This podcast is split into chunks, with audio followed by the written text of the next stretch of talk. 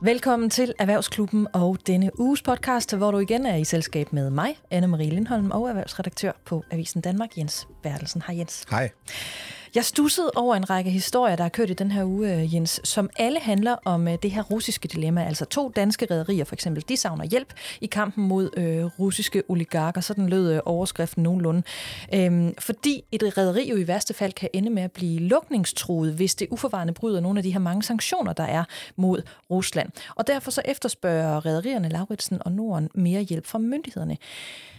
Jeg tænkte meget over den her historie, men har de ikke en pointe, altså som meget vel kan repræsentere rigtig mange danske virksomheder, sådan mere generelt. Altså det er helt utroligt svært at gennemskue, hvad man må og hvad man ikke må.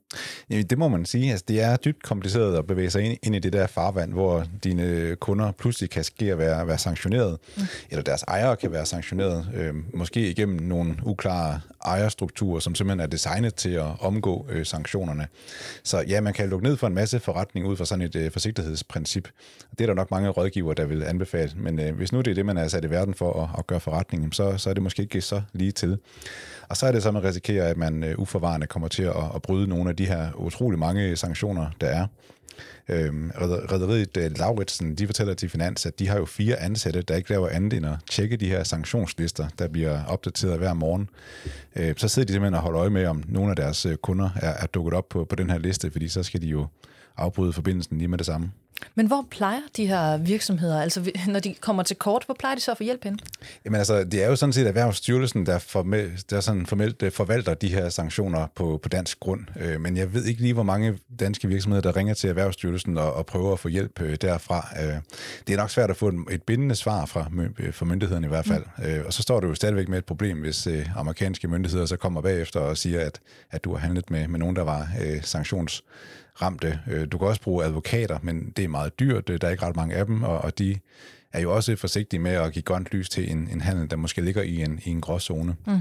Okay. Og så tror jeg tit, man bruger øh, sin bank øh, til det, fordi bankerne, øh, tingene hænger jo sammen, og banken har også en stor interesse i at undgå, at, øh, at deres kunder bliver indblandet i, i noget øh, sanktionsbrud, fordi så skaber det også øh, problemer for, for, for, øh, for banken. Og jeg talte jo sidste uge med Danske Banks øh, topchef Carsten Eris, som øh, snakkede om, at de har jo det omkring 10.000 forskellige sanktioner, de skal forstå, og de skal holde øje med omkring øh, Rusland. Så det er jo mere omfattende, end hvis du lægger alt, hvad der hedder Nordkorea, Venezuela og Iran og alle andre sanktionerede lande i, i verden øh, sammen. Så det jeg hører, det er, at bankerne sådan begynder at lukke ned for, om du overhovedet kan have kunder, der er tæt på, på Rusland, fordi det bliver bare alt for kompliceret. Mm øh, ikke bare EU-sanktioner, men det er også øh, britiske sanktioner, de amerikanske sanktioner, du skal passe på med, og hvis du øh, træder over stregen, jamen, så kan det være, at du er out of business. Ja, og prisen, ikke også, hvis du træder bare lidt ved siden af, den kan være utrolig høj, og apropos det, så stussede jeg over endnu en historie, den kom fra DR øh, tirsdag aften, fordi der kom det frem, at øh, oh, det er, og det er det meget groft øh, og kort fortalt, at det russiske datterselskab øh, til Danfoss, der hedder Ridan, øh, de har solgt noget kølingsudstyr, som er blevet brugt på nogle russiske kampskibe, og det var tilbage i 2019. Og Danfoss har jo været ude at sige, at de har trukket sig fuldstændig fra, fra Rusland, Øhm, Jens, vi to vi har talt om den her historie i løbet af ugen. Hvad, hvad tænkte du, da du hørte øh, den her historie? Jamen, jeg tænkte, at det ser jo dårligt ud for, for Danfoss, men, men den, er, den er også svær, fordi deres datterselskab i Rusland har jo formentlig ikke gjort, gjort noget forkert. Det ser bare skidt ud, at øh, de ligefrem har pralet med at være underleverandør til, til det her øh, øh, krigsskib, som så åbenbart ikke er, er kommet på vandet endnu. Mm-hmm. Øh, det synes jeg, jeg siger sig selv, at det, det, det er en, en dårlig historie. Ja. Jeg tænker lidt det samme, og som jeg læser det, så har, har Danfoss, at de har været ude at sige, de trækker sig helt fra Rusland. Øh, det, der er foregået her, det er jo ikke, det, de bryder ingen sanktionsregler, vel? Øh, men kritikken går på det etiske og moralske. Og den del gider jeg sådan set godt diskutere, bare sådan helt øh, altid, ikke? Men hvis det er her, hvor vi trækker grænsen, så må det også blive umådeligt svært for, for rigtig mange virksomheder i Danmark at sætte den her fod øh, rigtigt. Hvad er løsningen på det her problem? Jamen, der er jo et før og et øh, efter i det her. Altså før Putins angreb på Ukraine mm. i februar, der var der jo ingen problemer, hverken juridisk eller moralsk, sådan set med at handle med Rusland. Det er der, vi skal huske på, at, at både kongehuset og, og skiftende regeringer har jo stået i spidsen for, for store fremstød for, at øh, dansk erhvervsliv skulle, skulle engagere sig i, i Rusland. Og det skyldes jo det her, man troede, at øh, dem, vi handler med, dem øh, er vi ikke i, i krig med. Og der, der har dansk erhvervsliv, det har de jo hørt øh, rigtig godt efter, så det er jo ikke fordi, Rusland er jo ikke verdens største eksportmarked for os, men, men det er alligevel det er jo milliarder af kroner, vi har bundet op øh, derovre. Og der må man så bare sige, at efter invasionen, der er en ny øh, virkelighed, og jeg synes, man skal måle virksomhederne på, hvordan de så reagerer på, på det. Altså i første omgang var der jo en vis øh, tøven, og det kan man også godt forstå, i hvert, fald, øh, i hvert fald for dem, der har store aktiver derovre, altså fabrikker for eksempel. Men i dag, der har de, de fleste, altså de, de fleste i hvert fald, de har jo valgt at, at sige, at de trækker sig ud, og det, det har Danfoss også øh, sagt, at de vil gøre. Så, øhm, så synes jeg, det er svært at, at forlange ret meget mere. Nu skal vi til et øh, andet emne, hvor det faktisk også kommer til at handle om, hvor besværligt det er at sætte fødderne rigtigt. Vi skal nemlig have et kig på boligmarkedet og på den rentestorm, der raser. Meget tyder på, at vi øh, snart tager hul på faldende priser på boligmarkedet. Samtidig så ser vi et øh, rentemarked, hvor renterne de bare stiger og stiger, og det vækker nu så stor bekymring, at øh, Finanstilsynet den her uge har været ude og advare mod især en bestemt lånetype. Med os her i studiet på en linje har jeg nu chefanalytiker hos Nordea Kredit, Lise Nytoft Bergmann. Hej Lise. Hej, og tak fordi jeg måtte komme altid. Hvordan vil du beskrive den her øh, udvikling, som vi ser lige nu på bolig- og, og rentemarkedet? Jamen, det er en voldsom udvikling. Øh, det går rigtig stærkt på, på rentemarkedet, og når det går stærkt på rentemarkedet, så får det også betydning for, hvad det er, vi kommer til at se på boligmarkedet i den kommende tid. Så det var ikke lige det, vi havde forventet, da vi gik ind i 2022, men, men, men nu har vi altså haft fire og en halv hektiske måneder, øh, og vi er nok ikke helt igennem den her turbulens endnu. Nej, fordi forventningerne var vel i virkeligheden, at det ville gå sådan lidt af den her, maj, øh, lidt af den her vej, men hvordan har hvad kan man sige, hvordan har rentemarkedet udviklet sig øh, markant anderledes, end I havde forventet? Altså, hvor havde I troet, det ville være hen? Jamen altså, da vi stod ved årets indgang, der havde vi en forventning om, at vi skulle væk fra de her negative renter, som det var, vi havde haft i en årrække på de variabelt forrentede boliglån. Men vi havde ikke haft på fornemmelsen, at det skulle gå så hurtigt, som det er gået. Det, det der sker lidt i, i starten af året, det er, at vi får det her øh, referat fra den amerikanske centralbank, Fed, helt præcis den 5. januar, øh, og hvor øh, centralbanken altså ude i, i, i referatet og sige, at det kan komme til at gå hurtigere øh, med, med, med, med de rentestigninger, øh, vi skal have. Øh, en, end, end, end det investorerne havde forventet. Øh, og det får altså de danske boligrenter til at, til at hoppe i vejret. Og så er det jo sådan gået lidt slag i slag øh, siden starten af januar, hvor der er vi næsten uge for uge har set, øh, at boligrenterne det er stedet. Så det er sådan, der, der, der sker meget i samfundsøkonomien i øjeblikket. Det er sådan nogle af de, øh, de tektoniske plader under, under samfundsøkonomien, som vi er inde og røre på i øjeblikket. Øh, så så, så det er en ny, og det er en anderledes situation, men, men det betyder selvfølgelig også at have nogle konsekvenser for, for, for boligejerne, når det er, vi kigger lidt længere frem. Ja, den vender jeg lige tilbage til ganske kort, fordi øh, jeg vil også bare lige høre dig, hvor, hvor kan det her så ende henne? Altså når vi allerede er her så hurtigt, øh, hvor renterne er blevet så øh, ja, relativt høje i hvert fald på, på så kort en tid. H- hvad forventer I nu? Jamen, vi forventer, at rentebunden er bag os. Øhm, renten er allerede steget rigtig meget, øh, og når det er, at vi kigger sådan i, i, i, i sporkuglen, øh, så har vi en forventning om, at renten den vil stige yderligere en lille smule, men altså også den største del af den her stigning, øh, den, den, den ligger bag os. Og når det så er sagt, så, øh, så skal vi have det forbehold med i øjeblikket, at den her sporkugle, den er altså mere tåget, end den, end, end den plejer at være. Øhm, det her med at lægge øh, pandemier og krig ind i sådan nogle prognoser, uanset om det drejer sig om prognoser for samfundsøkonomien eller for rentemarkederne. Det er altså rigtig, rigtig svært, fordi der er så mange øh, ubekendte faktorer i det, og det er altså også det, der gør, at sigtbarheden på, på, på de økonomiske markeder i øjeblikket, den er lavere end det, vi er vant til. Så lad os komme ind på, på konsekvenserne, fordi hvem er det, den her udvikling, den, øh, den udvikling, den rammer især?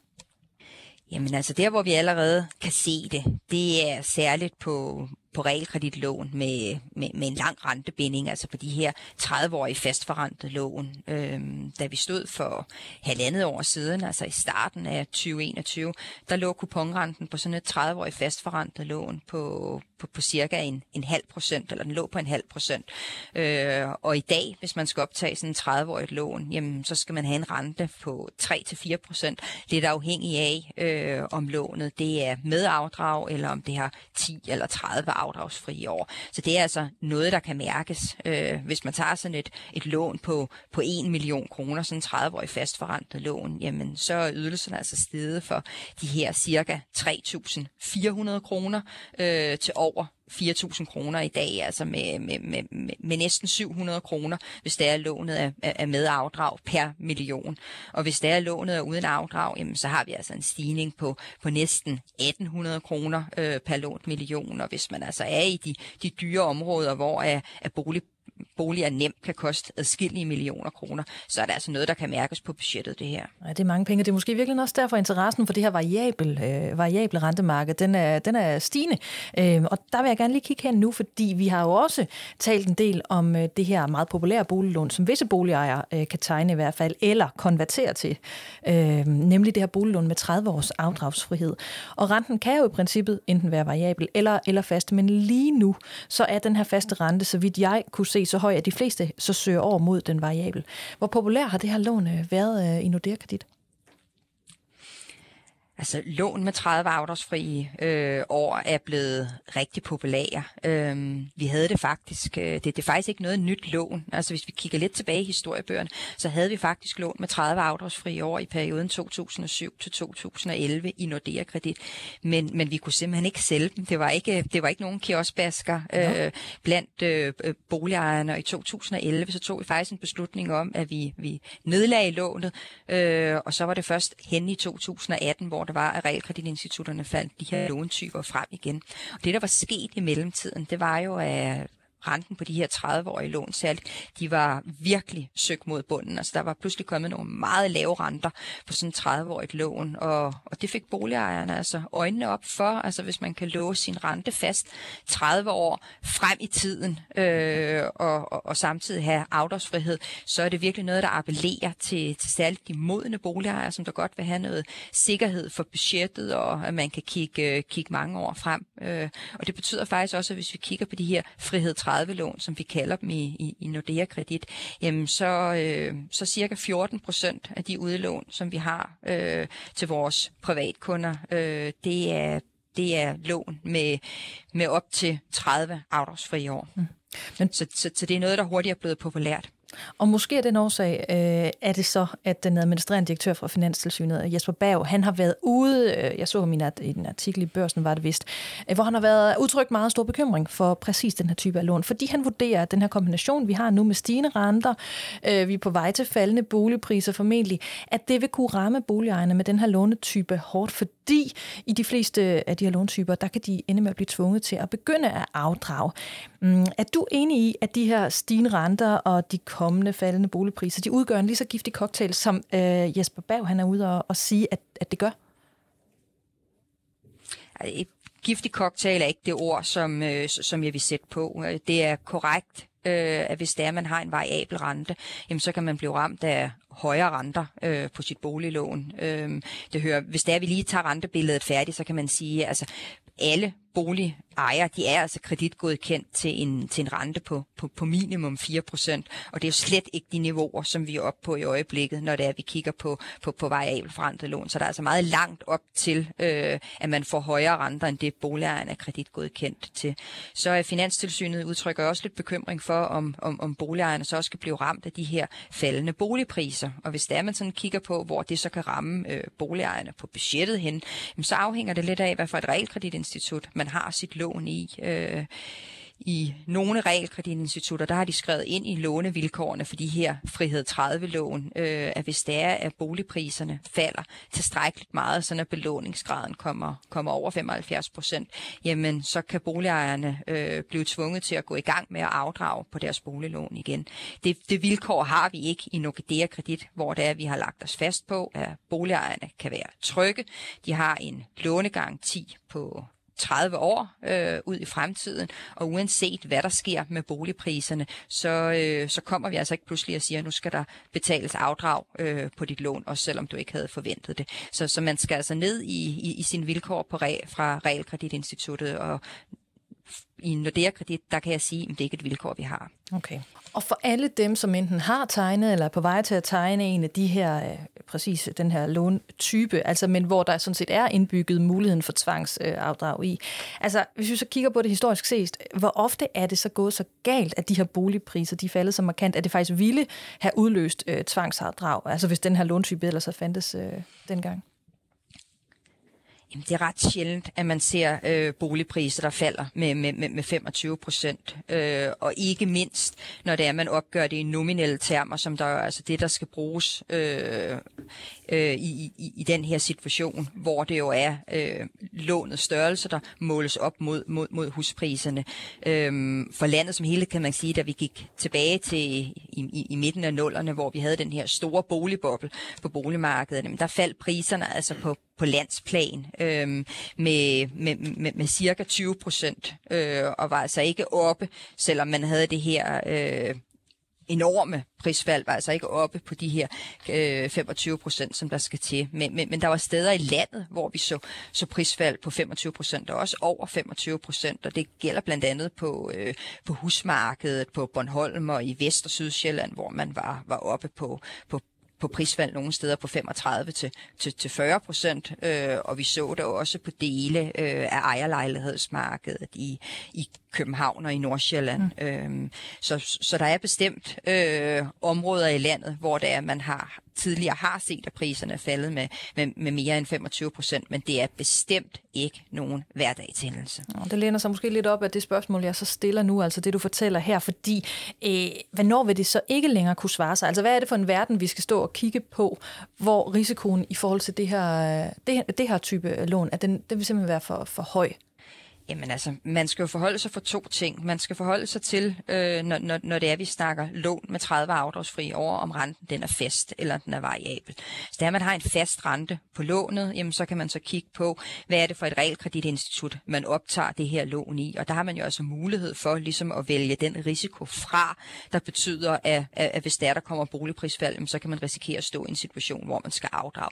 Det er jo win-win øh, øh, og, og, og man kan altså få den tryghed, øh, som det er, man gerne vil. Øh, hvis det er variabel rente, jamen, så skal vi jo forholde os til, at vi kigger ind øh, i nogle år, hvor er, er renten den vil være højere øh, end det årti, som det er, vi har øh, forladt. Øh, og langt de fleste boliger er altså kreditgodkendt til det her, kan godt klare det. Øh, men, men, men det er klart, at at mange boliger, altså der er jo der ligger en dejlig fristelse i, at hvis det er, at man har et, et afdragsfrit lån, øh, eller et lån med variabel rente, at man så bruger den her besparelse på en variabel rente til, til andre steder i økonomien. Og der kan man måske så allerede nu øh, begynde at, at, at kigge lidt på, hvor er det, hvis der er renten stiger, hvor er det så henne, at jeg vil rykke rundt i mit budget, så jeg også øh, får råd til, øh, til, til, til mit boliglån fremadrettet. Øh, så jeg synes, der er meget, øh, man, man kan gøre selv, øh, uanset hvad det er for et boliglån, man har. Øh, og, og, og vi anser altså ikke risikoen for at have 30 afdragsfrie år øh, på, på, på sådan et boliglån, som nævneværdigt større end at have 10 afdragsfri år, og slet ikke fordi, at et krav for at få de her øh, realkreditlån med 30 afdragsfri år, det er altså, at man har en belåningsgrad på højst 60 procent, så der er altså tale om boligejere med en robust økonomi og med en solid friværdi. Må jeg, må jeg ikke lige høre dig det sidste her, Lise? Altså, hvordan stemningen egentlig er øh, hos jer i Nordea Kredit? Øh, altså, det her med boligkøb er en kæmpe beslutning. Der, der er mange kunder, de har gået og kigget siden sidste år og drømt sig frem til deres øh, næste bolig, og så kommer de så nu og, og er klar til at handle til nogle helt andre renter og vilkår, end, end, det, end det, man så. Altså, hvad, hvad er det for nogle samtaler, I har med kunderne lige nu?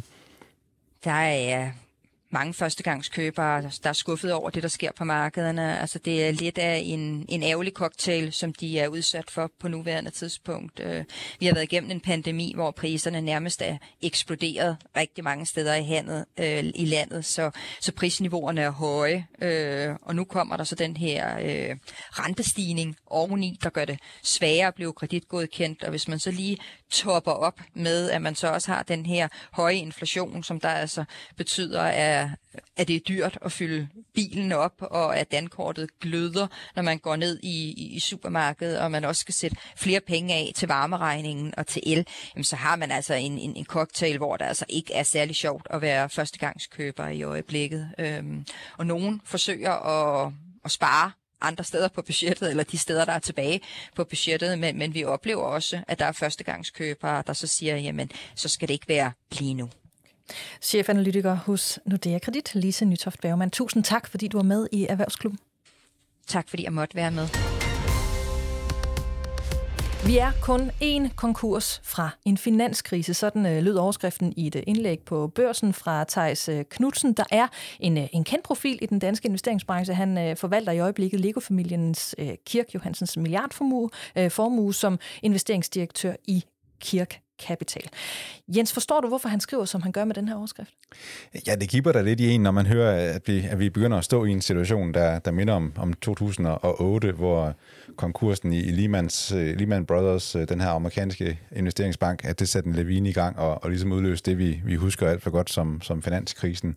Øh, Thijs Knudsen hæfter sig jo ved, at de amerikanske Nasdaq-aktier og vækstaktier i, i det hele taget, at de er, er faldet med 20 procent nu siden efteråret. Øh, obligationsmarkedet er, er helt til, til hunde øh, globalt set. Øh, de japanske og kinesiske valutaer er faldet meget, og centralbankerne de står jo i kø med dårlige nyheder og udsigt til, til flere øh, rentestigninger. Men øh, man håber jo også på, at selvom alle de her pile de peger nedad, så har vi vel, så har vi da forhåbentlig indrettet os øh, bedre, end man havde før finanskrisen. Altså, der er jo indført tonsvis af regulering, der lige præcis skulle, skulle forhindre, at markedet er så sårbart, som det var dengang. Men omvendt så er det måske også naivt at tro, at vi har taget højde for, for alting, så, så det er jo så det, der kan være lidt bekymrende. Jamen, det kan vi jo spørge øh, Søren Christensen om. Han er nemlig også med på linjen øh, cheføkonom i Sydbank. Hej Søren. Hej. Altså, har, har Thijs Knudsen ret i den her overskrift? Er vi i princippet kun en konkurs fra en finanskrise? Nej, det, det synes jeg ikke, han har. Det, det, det håber jeg heller ikke, han har. Men, men når man så ligesom fraser overskriften så meget af det, Thijs han skriver, så, så er jeg sådan set enig med ham i, at der er rigtig mange ting, som øh, ser bekymrende ud. Altså nogle advarselslammer, der blinker i øjeblikket. Så langt hen ad vejen, så, så mener jeg egentlig, at hans analyse, den, er, den, øh, den, øh, den, deler jeg i hvert fald. Men kan vi ikke dykke ned i det? Altså lighederne med nu og fra før finanskrisen, hvad er de?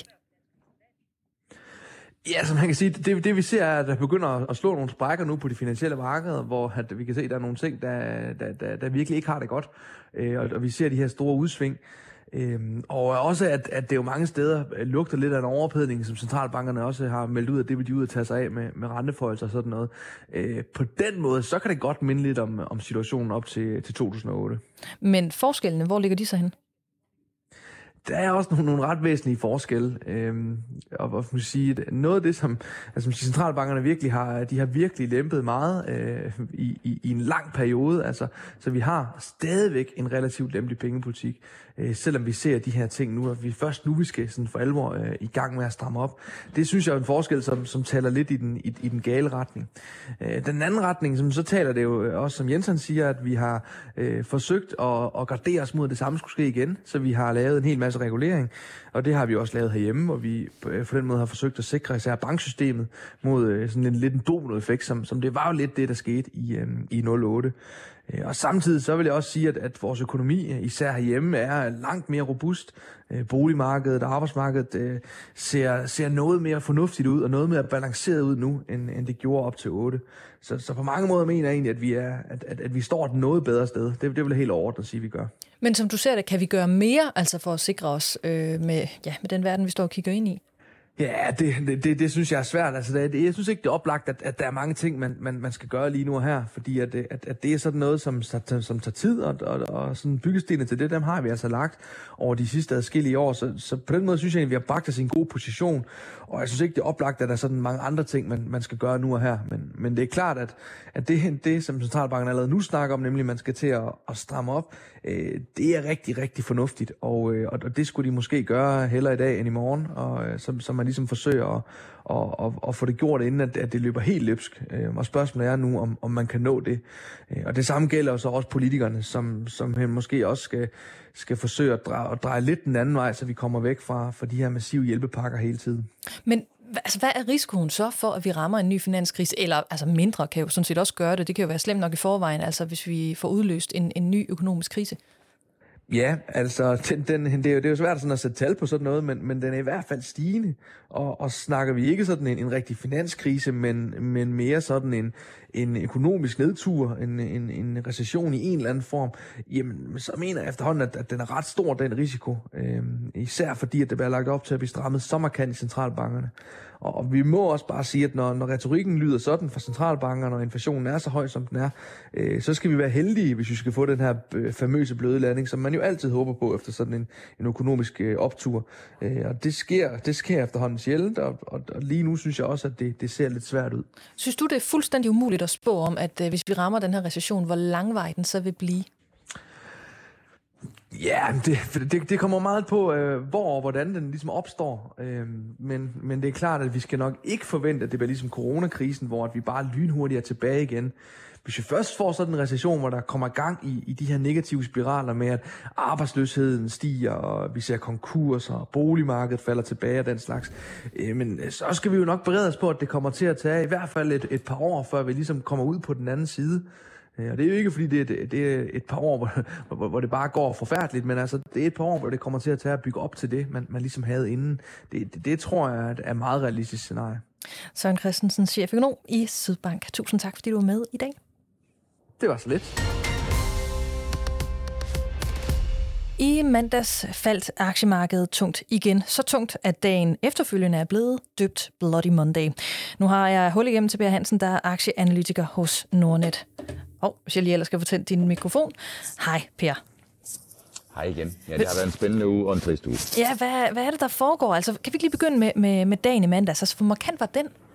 Jamen, mandagen var jo en Bloody Monday. Det var øh, en mandag efter fredag, og efter weekenden. Fredag faldt de danske aktier med 3%, og så tror jeg, at de fleste havde regnet med, at mandagen, trods alt uanset hvor meget ufred der er på aktiemarkedet, havde regnet med og håbet på, at mandagen den ville bringe lidt mere ro. Og det gjorde den sådan set også fra starten, men her over dagen, jamen, så blev investorerne mere og mere nervøse, og mandagen endte med et indeksfald på mere end 5%, sådan så fredag mandag til sammen gjorde, at de danske aktieinvestorer på indeksniveau blev 8% fattigere. Og 8% på indeksniveau, det er ikke kun meget, det er ekstremt meget. Og hvad er den her mandag i virkeligheden et udtryk for, tænker du? Jamen, det er et udtryk for, at øh, den her uge har vi set en kulmination på den risiko, som har været i investorernes bevidsthed. De øh, kigger ikke kun øh, på risikoen i forbindelse med stigende renter. De kigger ikke kun på stigende råvarer, fødevarepriser, som giver stigende inflation. De skal også håndtere, at vi nok er i en situation, hvor man på den ene side øh, ser frem mod eller frygter, at der kan komme en økonomisk nedtur, og samtidig så er man også nødt til at tage stilling til, at en del af de mennesker, som har været investeret i aktier de seneste år, som er kommet til aktiemarkedet de seneste år, ja, de er nu meget tæt på at blive meget trætte af aktier. Og det giver i sig selv et stærkt salgspres i markedet, i kombination af de andre fortrædeligheder, mm. som trykker aktiepriserne ned. Ja, fordi lad os nu lige kigge på ugen som helhed, så ikke også på, på, på det store globale marked. Altså, hvad, hvad har du bidt mærke i? Fordi det ligner jo bare, at nedturen den er fortsat øh, rigtig mange steder. Jamen, hvis vi, når man kan se, at investorerne de er stressede, så er det sådan lidt uanset, hvad for nyheder der kommer, uanset hvad for et nøgletal der kommer, så vil investorerne prøve at finde det negative. De vil prøve at finde et alibi, legitimeringen af, at det her nøgletal, det er mere af det, vi allerede har set. Det accelererer den risiko, der er i markederne. Og det gør de sådan set ikke. Der er sådan set ikke sket noget i den her uge nøgletalsmæssigt, som har fået investorerne, eller har givet investorerne en rigtig god grund til at blive mere nervøse. Vi er blevet bekræftet i, ja, inflationen er en stor udfordring. Vi er blevet bekræftet i, at prisstigningstakten den er uholdbart høj.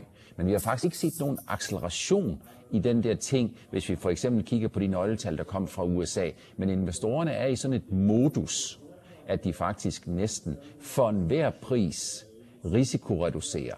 Øh, og når man er i den der modus, så er det svært at tale investorerne til ro, fordi det de egentlig bare ønsker, det er, at de ønsker at få en mindre risiko i deres porteføljer, og det handler om ikke mindst at reducere i deres aktiebeholdning. Og meget apropos, øh, så er du ude med en øh, analyse i morges, hvor du skriver, at næste stop på nedtursvejen, det meget vel kan være kryptovalutaer.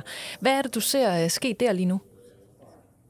Det vi har set inden for de sidste 24 timer, det er jo, at samtlige kryptovalutaer falder rigtig meget. De fleste af os, øh, som kigger på krypto på afstand, jamen vi kender måske kun nogle af de store navne, Bitcoin og Ethereum. Men hvis man kigger sådan på den lidt bredere skare, jamen så ser vi, at der er rigtig mange kryptovalutaer, som falder meget i værdi. Og hvis man oversætter det til aktiemarkedet, jamen så kan man prøve at kigge på, at en af de der børsnoterede handelsplatforme, Coinbase, jamen øh, den aktiekurs, den er nærmest styrtet i grus i, i løbet af de sidste 1-2 måneder. Så det jeg tror, at investorerne de frygter, det er, at når renterne de stiger, så trækker det likviditeten ud af markederne. Men det gælder ikke kun aktie- og obligationsmarkederne, der gør, at aktier falder, obligationer falder og renterne stiger. Men det er også den, ende, det ende, den endegyldige afsked med tiden, med lempelig pengepolitik, øh, hvor centralbankerne var den reddende sidste instans. Og det påvirker altså kryptovalutaerne. Jeg synes jo egentlig faktisk, det er meget naturligt. Er du overrasket over, hvor, hvor, hvor, hvor sur stemningen øh, generelt øh, er på, på markedet lige nu? Altså jeg kan huske, at vi talte sammen i, i vores nytårsspecial. Der forudså du jo også den her lidt, lidt dystre øh, 2022. Øh, det vil, det vil måske ikke lige være det, det fedeste aktieår, vel? Men havde du alligevel forventet, at det var her, vi ville være allerede? Jamen, jeg kan lige så godt bare gå til bekendelse og sige, det havde jeg ikke. Og det er jo på trods af, at jeg, jeg tør næsten ikke sige det, men øh, jeg har været med i mere end 30 år. Men øh, jeg bliver altid overrasket over, hvor meget elastikken kan give sig. Jeg bliver altid overrasket over, hvor nervøse investorerne de bliver, når det går ned, og hvor glade og euforiske de bliver, og hvor meget de har lyst til at være med, når det går op. Så det her, det er ligesom Øh, øh, fleksibiliteten på en elastik, som skal bruges i forbindelse med et bungee jump. Den kan altså give sig ekstremt meget. Hvis vi lige kigger på det danske aktiemarked. Jeg læste en, jeg tror det var en analyse eller en kommentar fra Jakob Pedersen, der jo er aktieanalysechef i Sydbank, hvor han sagde, at det eneste, der kan få det her danske aktieindeks til at gå i et samlet plus ved vores udgang, det er øh, et, renterne de skal holde op med at stige, og krigen i øh, Ukraine, den skal også stoppe. Altså med andre ord, det, så virker det jo usandsynligt. Er du enig i, at vi er meget langt forbi altså at kunne undgå et redselsfuldt øh, aktieår? Ja, vi er i hvert fald derhen, hvor vi kan sige, at øh, 2022 bliver helt anderledes end de seneste år, at vi har set. Og det er jo fordi, i tillæg til Ukraine og i tillæg til inflationen, jamen så er den helt store forskel. Det er der, hvor vi siden finanskrisen har haft et lavt og faldende renteniveau, og hvor vi har haft centralbanken i USA som verdens pengepolitiske aktør, verdens bedste fodboldspiller, verdens bedste Zlatan, som altid kommer og scorer de to afgørende mål. Ja, Federal Reserve, de er kommet for sent ud af starthullerne, og de har erkendt det, og nu vil de altså forsøge at indhente det, de er bagud. Og det betyder, at vi mangler simpelthen opbakning. Vi mangler den sidste skanse. Og det gør en kæmpe stor negativ forskel. Jeg ved ikke helt, om jeg tager bedt om det her, men hvis du skal spå om, hvad resten af året det så byder på, altså kan det blive meget værre, øh, eller, eller hvad? Ja, jeg vil sige, at den gode nyhed, øh, det er jo, at aktiemarkedet det kommer hurtigere på plads end den rigtige økonomi. Hvis man kigger tilbage til under finanskrisen, det er måske et af de tidspunkter, hvor, hvor det tog længst tid at få risikoen presset ud af systemet, men risikoen kulminerede alligevel, eller risikoen var alligevel mest intensiv i starten af perioden, det vil sige oktober-november måned, så kom det lidt øh, opblødning i det, og så ind i januar, februar, marts måned 2009, ja, der kulminerede risikoen præmie. Hvis man kigger i øh, 2020 covid-19-nedlukning, så tog det aktiemarkedet cirka to og en halv uge at komme på plads. Indeksmæssigt så faldt vi 35 procent. Vi er sådan set ikke ude af covid-19 endnu i den virkelige økonomi, men aktiemarkedet kommer lynhurtigt på plads. Så det jeg vil sige til dem, som har meget ondt i maven, jeg forstår det udmærket godt, det er meget naturligt. Det er aktiemarkedets natur, det er finansielle størrelses natur at få presset det tryk og den risiko ud af systemet. Det er det, vi ser i dag. Det er det, vi har set de seneste uger. Og det kan sagtens være, at vi kommer til at se mere af det de kommende uger. Men i den her scene, så er man så også nødt til at sige, at det kan meget vel blive værre, før det bliver bedre. Og så skal man jo huske på, at aktiemarkedet forsøger at fortælle investorerne, politikerne og alle mulige andre, centralbankerne, hvordan de ser udviklingen i økonomien i oktober-november måned. Og hvis det er et udtryk for det, jamen så er vi sådan set allerede der, hvor vi kan se, at øh, den europæiske økonomi er i recession, og den amerikanske økonomi er i recession. Og spørgsmålet det er, om vi ikke efter en 2, 3 eller 4 renteforholdelser ekstra fra den amerikanske centralbank er 50 basispoint, får opfattelsen af inden så længe, at vi formentlig får lidt mindre rentestigninger end dem, der er mest pessimistisk, de frygter. Så på kort sigt, det kan blive værre, før det bliver bedre. På lang sigt, aktiemarkedet kommer på plads væsentligt før den virkelige og rigtige dagligdag i økonomien gør det. Okay, således alligevel lidt opløftet. Lad os øh, slutte snakken øh, for nu på en lidt krassende forbindelse, men ikke desto mindre, så gik din pointer fuldstændig klart igennem. Per Hansen, aktieanalytiker hos øh, Nordnet. Tak fordi du igen var med i Erhvervsklubben. Og tak fordi jeg måtte være med. Container med russiske varer håber sig op på havnen i Kalundborg, der pludselig er blevet øh, opholdshavn for, for alt det sanktionerede gods, der egentlig skulle have været fragtet til uh, Rusland. Jens, du har været en, uh, i denne uge, der har du været en tur på, på havnen. Hvad gemmer der sig i de der container? Jamen, der gemmer sig jo tøj og sko og, og fødevarer, der er på køl og alt muligt, som afsenderen pludselig ikke længere vil have skulle til, skulle til Rusland. Øh, det kan være noget, der er sanktioneret, eller det kan være virksomheden selv, der, der har valgt at boykotte øh, Rusland. Og hvad gør man så af alle de containere, der er på vej? Ja, så skal man jo finde et eller andet sted. Øh, og der har APM Terminals, datterselskabet under, under Mærsk, de, og de driver jo havne i, i mange lande. Der er de så valgt at sige, at, at Kalundborg Havn, den, den bruger vi simpelthen til, til det formål. Hvor længe skal de blive stående der? Ja, mange af de containere, der kom øh, kort efter Ruslands invasion af, af øh, Ukraine i februar, de er for længst øh, væk igen. Især dem med, med fødevarer, de skulle jo hurtigt øh, finde øh, nye øh, kunder et eller andet sted. Men der kan også være andre, hvor afsenderen bare ikke ved, hvad han skal stille op med, med, de, øh, med de produkter.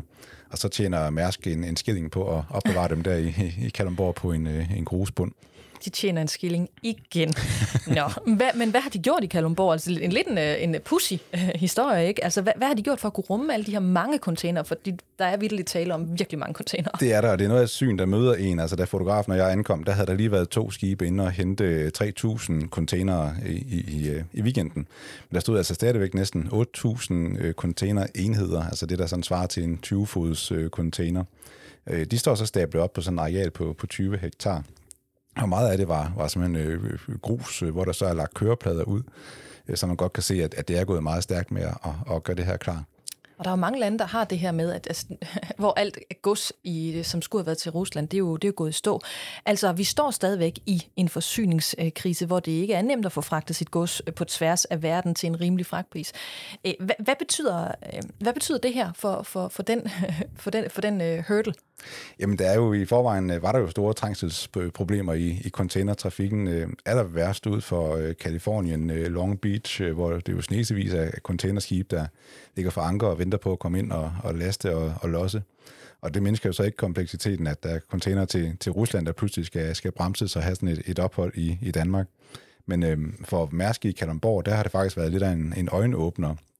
Øh, de var jo egentlig skabt til at aflaste København, hvor man ikke øh, kunne have alle de containere ind og ud øh, igennem myldretidstrafikken i, i København, så, så så fandt man på at, at bygge den her havn i, i Kalundborg. Men øh, det jo så vist sig, det, det ville jo så have skulle betjene de sjællandske eksportvirksomheder. Men øh, det har jo vist sig, at de kan faktisk også øh, bruge den her havn til at, at aflaste de helt store øh, containerterminaler i, i Hamburg og Bremerhaven og Rotterdam og, og hvad de hedder. Fordi øh, hvis godset kan holde til at, at vente lidt, jamen, øh, så kan et rederi godt spare en masse penge ved at, at lige at sætte øh, nogle container af i, i Kalundborg, i stedet for at, at øh, have sit store containerskib liggende i, i kø uden for, for Bremerhaven. Øhm, så kan det hurtigere komme afsted på, på langtur til Asien, eller hvor nu det skal hen. Og så kan der jo komme et, et mindre skib på et andet tidspunkt måske og samle containeren op i, i Kalundborg, når, når øh, der er nogen, der begynder at efterlyse de ting, der Der er der, opstået et helt nyt marked i Kalundborg. Simpelthen, ja. Lige her til sidst, der skal vi kigge kort på SAS, der har i den her uge været ude og aflyse 4.000 afgange hen over sommeren, fordi de simpelthen ikke kan svare sig at flyve, det siger de i hvert fald. Jens, hvad ved vi om den historie? Det er bare en super dårlig nyhed fra, fra SAS ja, en gang til. Og ellers andre, der har booket øh, fly med, med, med SAS. Måske, ja, ja, fordi hvis du er en af dem, altså det er hver 20. flyafgang hen over sommeren, som de, øh, som de aflyser. De mangler både personale, og de mangler fly. Altså de, ikke, de kan ikke nå at skale så hurtigt op oven på coronakrisen, som, som folk egentlig efterspørger flyrejser til. Øhm, og det er bare rigtig ærgerligt, fordi det er deres højsæson. Øh, der er ikke nogen af deres kunder, der bliver glade for at, at få besked om, at nu er, man, nu er man ombooket til en anden afgang. Så det kommer til at give en masse ballade. Altså i den her uge, der gik der jo en øh, historie om SAS viralt, da, ja lad os kalde ham entertaineren, jeg tror Frederik godt, jeg ved, hvad du taler om. Ja, præcis, det er der rigtig mange, der gør. Øh, Frederik Silius, ham der, der er inde i Kirsten Birgit kreds øh, Hørsholm, han lagde en historie ud, hvor han beskriver et, altså et redselsfuldt øh, forløb med flyafgange, som blev rykket til andre lufthavne i sidste øjeblik og efterlod alle passagerer, både da de skulle fra Danmark, og jeg tror, det var til en italiensk lufthavn, og så da de skulle fra den italienske lufthavn tilbage igen. Så efterlod de alle passagerer i den forkerte lufthavn med ringe mulighed for at nå det fly, som jo så var blevet rykket til en anden lufthavn. Intet af det her bøvl ville SAS i hvert fald til at begynde med at kompensere, og nu aflyser de så de her 4.000 afgange hen over sommeren. Ærgerlige, ærgerlige historier på, på sådan en uge. Og hvor farlige er de historier her, vurderer du, altså for SAS, som jo kæmper helt vildt hårdt med økonomien. Jamen, problemet er jo, at vi opfatter jo stadigvæk SAS som et uh, premium flyselskab, altså sådan et sted, hvor man kan ringe til nogen og få hjælp uh, til ens flybilletter og den slags. Og så i virkeligheden så opfører SAS sig jo nogle gange dårligere end de lavprisselskaber, hvor man jo betaler næsten ingenting for flybilletten, men så måske også øh, afstemmer forventningerne en lille smule øh, derefter i forhold til, til servicen. Og det er jo sådan et fundamentalt problem for SAS, at øh, de har jo fyret halvdelen af deres personale under corona. Og der må simpelthen mangle folk til at, at samle sådan en sag op, inden det bliver til en, en skandale. Og hvis du ser på øh, Silius, jamen, så er det jo endt med, at SAS øh, går ind i det og betaler kompensation, som de burde have gjort hele tiden. Øh, oveni har det så bare, nu har de fået en shitstorm, og alle griner af dem, tager sig til hovedet, så det er jo sådan næsten ubærligt at, at kigge på. Og det er også dårligt for forretningen, når tingene ikke kører. Jeg skulle selv have været i Rom i vinterferien med hele familien med, med SAS, men SAS blev ved med at ændre vores øh, afgangstider, og til sidst så passede det bare ikke med noget som helst, og så valgte vi at få alle pengene tilbage og tage på bilferie til, til Sverige, så det kan være, at nogle af deres øh, sommergæster ender, ender med at gøre det samme. Måske også dig. Ah, ja, nu ser vi. Jeg har pt. ikke planlagt øh, flere afgange med, med SAS. Det tør jeg simpelthen ikke. Nå, det her det var alt fra Erhvervsklubben i denne her uge. Jens, tusind tak, for du en god uge i Erhvervsklubben. Selv tak. Til dig, der lytter med, så lyttes vi selvfølgelig ved igen om en uge.